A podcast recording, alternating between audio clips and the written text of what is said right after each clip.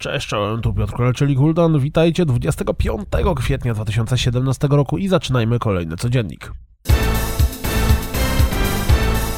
Brainiac w Injustice 2 prezentuje się następująco. Infinite Meagle wygląda całkiem ładnie, ale sam nie jestem pewien, czy chciałbym w to grać. Gra jest dostępna na Steamie w ramach Early Accessu, ale zmierza również na konsolę.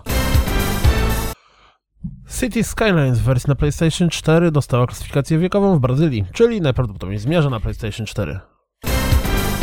Z prezentacji dotyczącej planów Square Enix dowiedzieliśmy się na stronie 13, że Final Fantasy VII Remake, Kingdom Hearts 3 oraz gra na licencji Marvela pojawią się dopiero w roku finansowym 2018 lub później.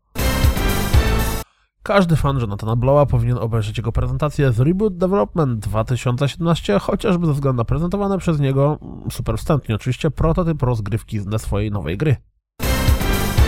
Za każdym razem, jak widzę jakikolwiek fragment rozgrywki z What Remains of Edith Finch, gra wygląda na dość oryginalną, czy też porąbaną albo dziwaczną. Pierwsze 17 minut zaprezentowane przez IGN tylko potwierdza moją opinię. Pojawił się spory fragment rozgrywki z Hoba. PlayStation Polska poinformowało o zmianie playerskiej ligi PlayStation Plus na PlayStation League. Wygląda na to, że Sniper Ghost Warrior 3 w wersji na PlayStation 4 ma drobny problem z czasem ładowania. Będzie patch, albo i nie.